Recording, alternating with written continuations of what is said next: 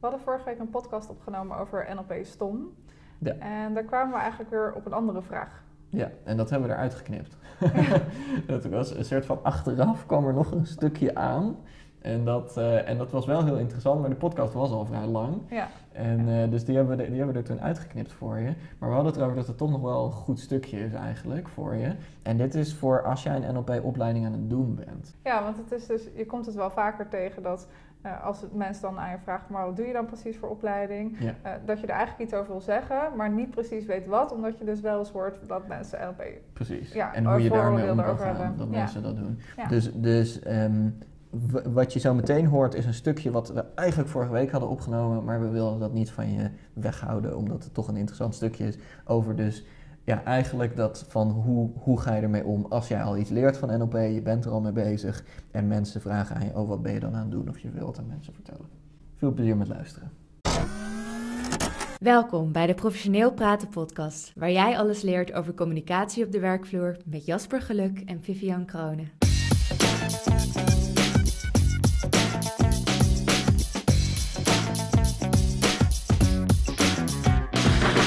Welkom bij de podcast. Ik ben Vivianne Kronen en naast mij is Jasper Geluk. Hoi.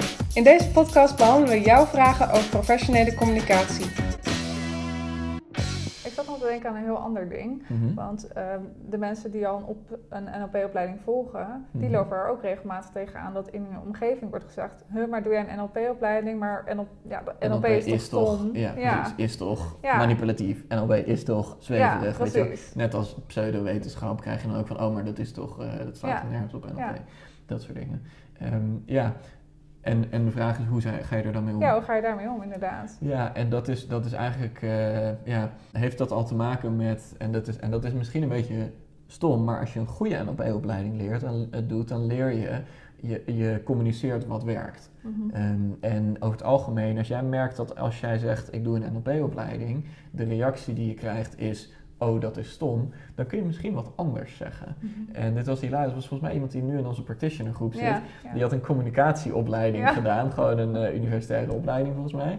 En, eh, en, en zij zeiden op die opleiding, Ja, ja, je moet ook niet per se zeggen dat het een communicatieopleiding is. ja precies, Nee. want dat is, dan krijg je waarschijnlijk reacties is, oh eh, moet je dan zo goed leren communiceren of zo, Ja, of oh communiceer ja. mij dan eens, of eh, weet je wel, dat krijg je als je, leer, als je zegt dat je hebt leren overtuigen, oh overtuig mij dan eens. Net als als je hebt gezegd dat je hebt geleerd om iemand te hypnotiseren, oh hypnotiseer mij dan eens. Mhm.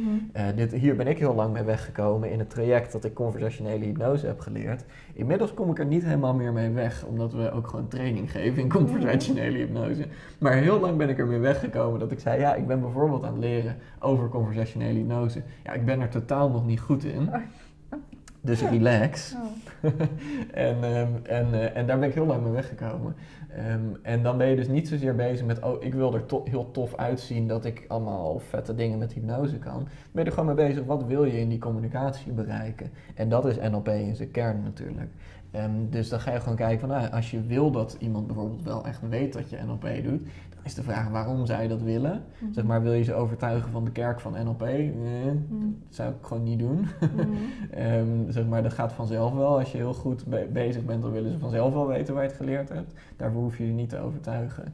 Zeg maar dat je partner het wil weten, snap ik. Maar hoeveel collega's moeten weten dat jij NLP aan het leren bent? Je kan ook gewoon zeggen dat je een cursus in... Nou ja, als je bij, bij ons bijvoorbeeld kun je gewoon zeggen dat je... eh, co- communicatie of eh, overtuigen of leiderschaps, weet je wel. Je hebt zoveel van die Mm. bullshit trainingen. Doe je Mm. gewoon alsof het er zo eentje is dan zijn ze al klaar met luisteren, zeg maar. Als je, als je gewoon iets zegt waardoor ze stoppen met luisteren. En dan zeg je daarna, oh, en jij dan? Waar ben jij eigenlijk mee Ja, bezig? precies. De meeste mensen boeit het toch niet echt wat je... Het is, het is een beetje een stomme, stom om te zeggen, maar heel veel mensen boeit het niet echt wat je doet.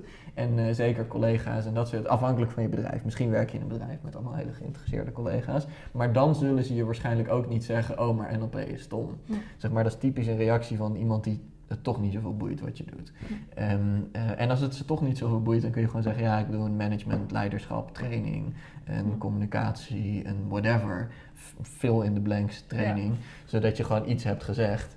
En, ehm, en, dan is het, en, en dan zeg je daarna: en hoe is het met jou? Wat ben jij aan het doen?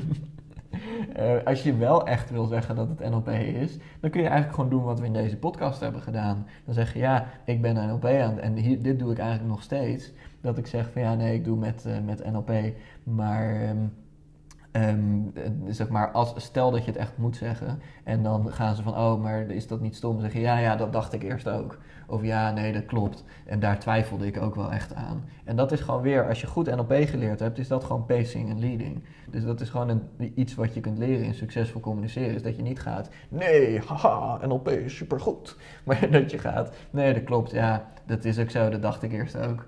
Ja, en, uh, en uh, nou ja, gelukkig ben ik bij een plek waar ze het wel iets anders aanpakken dan mm. al die andere dingen waar je al wel eens van gehoord hebt. Ja, het schreeuwen in de zee. Ja. um, maar dus, dus, dus eigenlijk, als je op een, bij een goede NLP-opleiding zit, beantwoordt dit zich vanzelf. En uh, als je op een plek zit waar het nog niet beantwoord is, vraag het ook eens aan die persoon zelf. Uh, van, uh, aan de persoon van wie je training krijgt. Van hé, hey, hoe ga ik daarmee om?